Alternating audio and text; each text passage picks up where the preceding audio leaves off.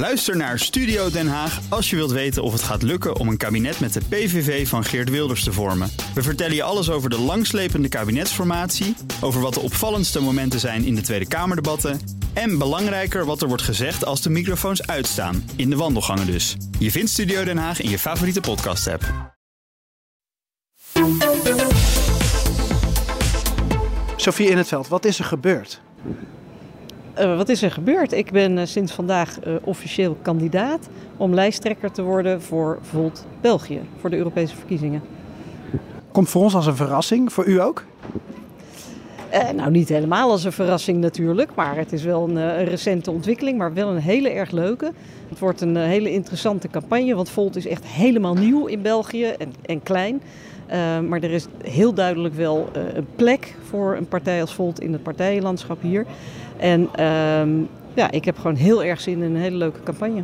Heeft u erover nagedacht of u kans maakt of is dat irrelevant? Nee, we gaan eerst we gaan gewoon lekker campagne voeren. Gewoon helemaal los, helemaal vrij. En uh, omdat het juist omdat je eigenlijk gewoon vanaf nul begint, uh, valt er alleen maar te winnen.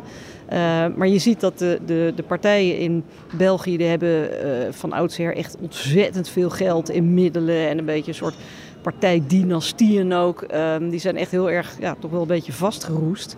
Nou, Volt heeft geen geld, maar wel heel veel enthousiasme, jonge mensen, uh, idealen. Dus ja, eigenlijk heel, een hele goede club om de boel een beetje op te schudden. En dat, dat vind ik leuk. Nou ken ik het uit de voetbalwereld dat mensen zomaar voor een ander land kunnen uitkomen. Hoe kan het dat u op de lijst uh, bij Volt België komt te staan? Nou, uh, dat is eigenlijk helemaal niet zo ongebruikelijk. Sterker nog, er is al eens een keer eerder uh, een Nederlander geweest die op een, Belgische lijst is gekozen, namelijk Dirk-Jan Epping. Uh, en, maar dat gebeurt veel vaker. Er was een vrij bekende Europarlementariër, Daniel Cohn-Bendit. Uh, die vroeger ooit eens een keer de, de, de, leider was van de studentenprotesten in Parijs. Maar die is meerdere keren in het Europees Parlement gekozen in Frankrijk en in Duitsland. En ja, er zijn heel veel voorbeelden uh, van mensen. Hè, ik heb uh, bijvoorbeeld collega's die zijn gekozen op de lijst van Emmanuel Macron, een Italiaan en een Griekse. Maar er is ook uh, ik had een, een, Franse collega, die woont in Roemenië en is daar gekozen. Dus dat is heel Europees. Ik had graag gezien dat er transnationale lijsten zouden zijn voor heel Europa. Dat is helaas uh, door de nationale regeringen en ook in Nederland, ook door de Tweede Kamer verworpen. Um, ja, dit is eigenlijk uh, ook heel Europees. En met welk budget? Nul. Dus het wordt gewoon ouderwets campagne voeren, de straat op, uh, aankloppen bij mensen, uh, met mensen praten. En goed, je hebt tegenwoordig natuurlijk ook uh, social media. Maar ik denk eerlijk gezegd dat we van, van die zwakte ook een kracht kunnen maken. Omdat je ook kan laten zien dat je campagne kan voeren gewoon puur op de inhoud, op je idealen en met je enthousiasme. En nou denken we vaak dat als er een uh, Nederlander in het Europarlement komt, uh, dat hij of zij toch ook de Nederlandse standpunten vertegenwoordigt. Ja, u moet dat dan namens België gaan doen. Nee, het werkt anders. In het Europees Parlement zit je op je partijprogramma. Uh, we, hebben, uh, we hebben ministers en ambassadeurs om Nederland te vertegenwoordigen in Europa. Binnen de Raad, zoals dat heet, in het Europees Parlement ben je georganiseerd naar politieke partijen. Dus uh, nou, Volt is een, een, nieuwe partij, een pan-Europese partij, zeer uitgesproken pro-Europees. dingen als klimaat, sociale onderwerpen zijn heel belangrijk voor Volt. Dus ik voel me daar prima bij thuis. En dat gaan we hier hopelijk met een uh, grotere Volt-delegatie uitdragen. Was Nederland nog een optie, Volt Nederland, om daar op de lijst te staan?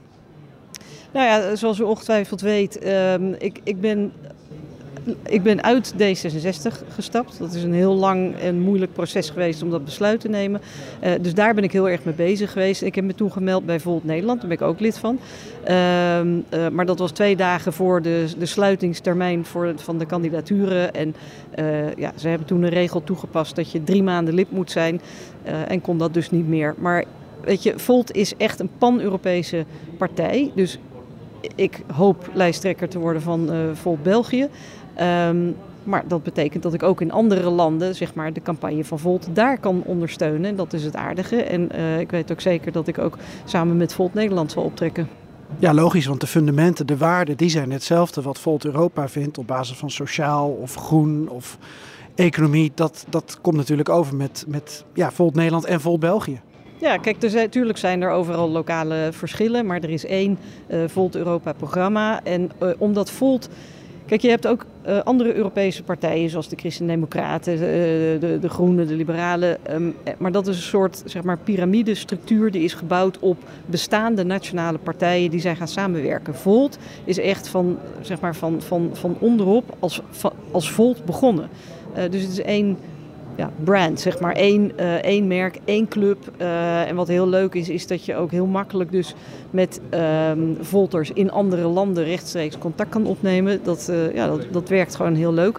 en er wordt dus ook echt samengewerkt aan gezamenlijke standpunten, gezamenlijke programma's, gezamenlijke campagnes. Volt België, u, u woont in België. Kunt u nog iets meer uitleggen over ja, hoe goed u België kent? Nou, ik, ik woon al uh, zeer geruime tijd uh, in België, al, al decennia. Uh, ik heb natuurlijk ook mijn sociale leven en mijn privéleven voor een groot deel in België. Dus ja, en ik volg natuurlijk ook de politiek en alle maatschappelijke ontwikkelingen op de voet. Um, dus wat dat betreft is het, is het niet, zeg maar, kom ik niet ineens van buitenaf ingevlogen of zo. Nee, ik ben wat dat betreft echt wel geworteld. En was een ander land nog een optie geweest? Kunt u daar iets over zeggen? Nou, dat had technisch gezien had dat gekund. Uh, dat vereist dan wel wat, uh, wat, ik zal maar zeggen, administratieve handelingen. Want je moet dan wel ergens wonen. Je moet of de nationaliteit hebben of je moet ergens wonen. En um, nou, dat had een beetje veel voet in de aarde. Maar bovendien, ik, ik woon in België al heel lang. Zoals ik zei, ik ben daar ook best geworteld en heb daar mijn privéleven, mijn partner, mijn vrienden enzovoort. dus dat is toch het meest voor de hand liggende dan. En wij, uh, wij zitten heel graag uh, samen vrijdagavond op de bank naar uh, discussieprogramma's te kijken en de politiek te becommentariëren en zijn het dan meestal niet eens. Maar um, dus ja, we zitten er ik zit er goed in. Veel succes. Dankjewel.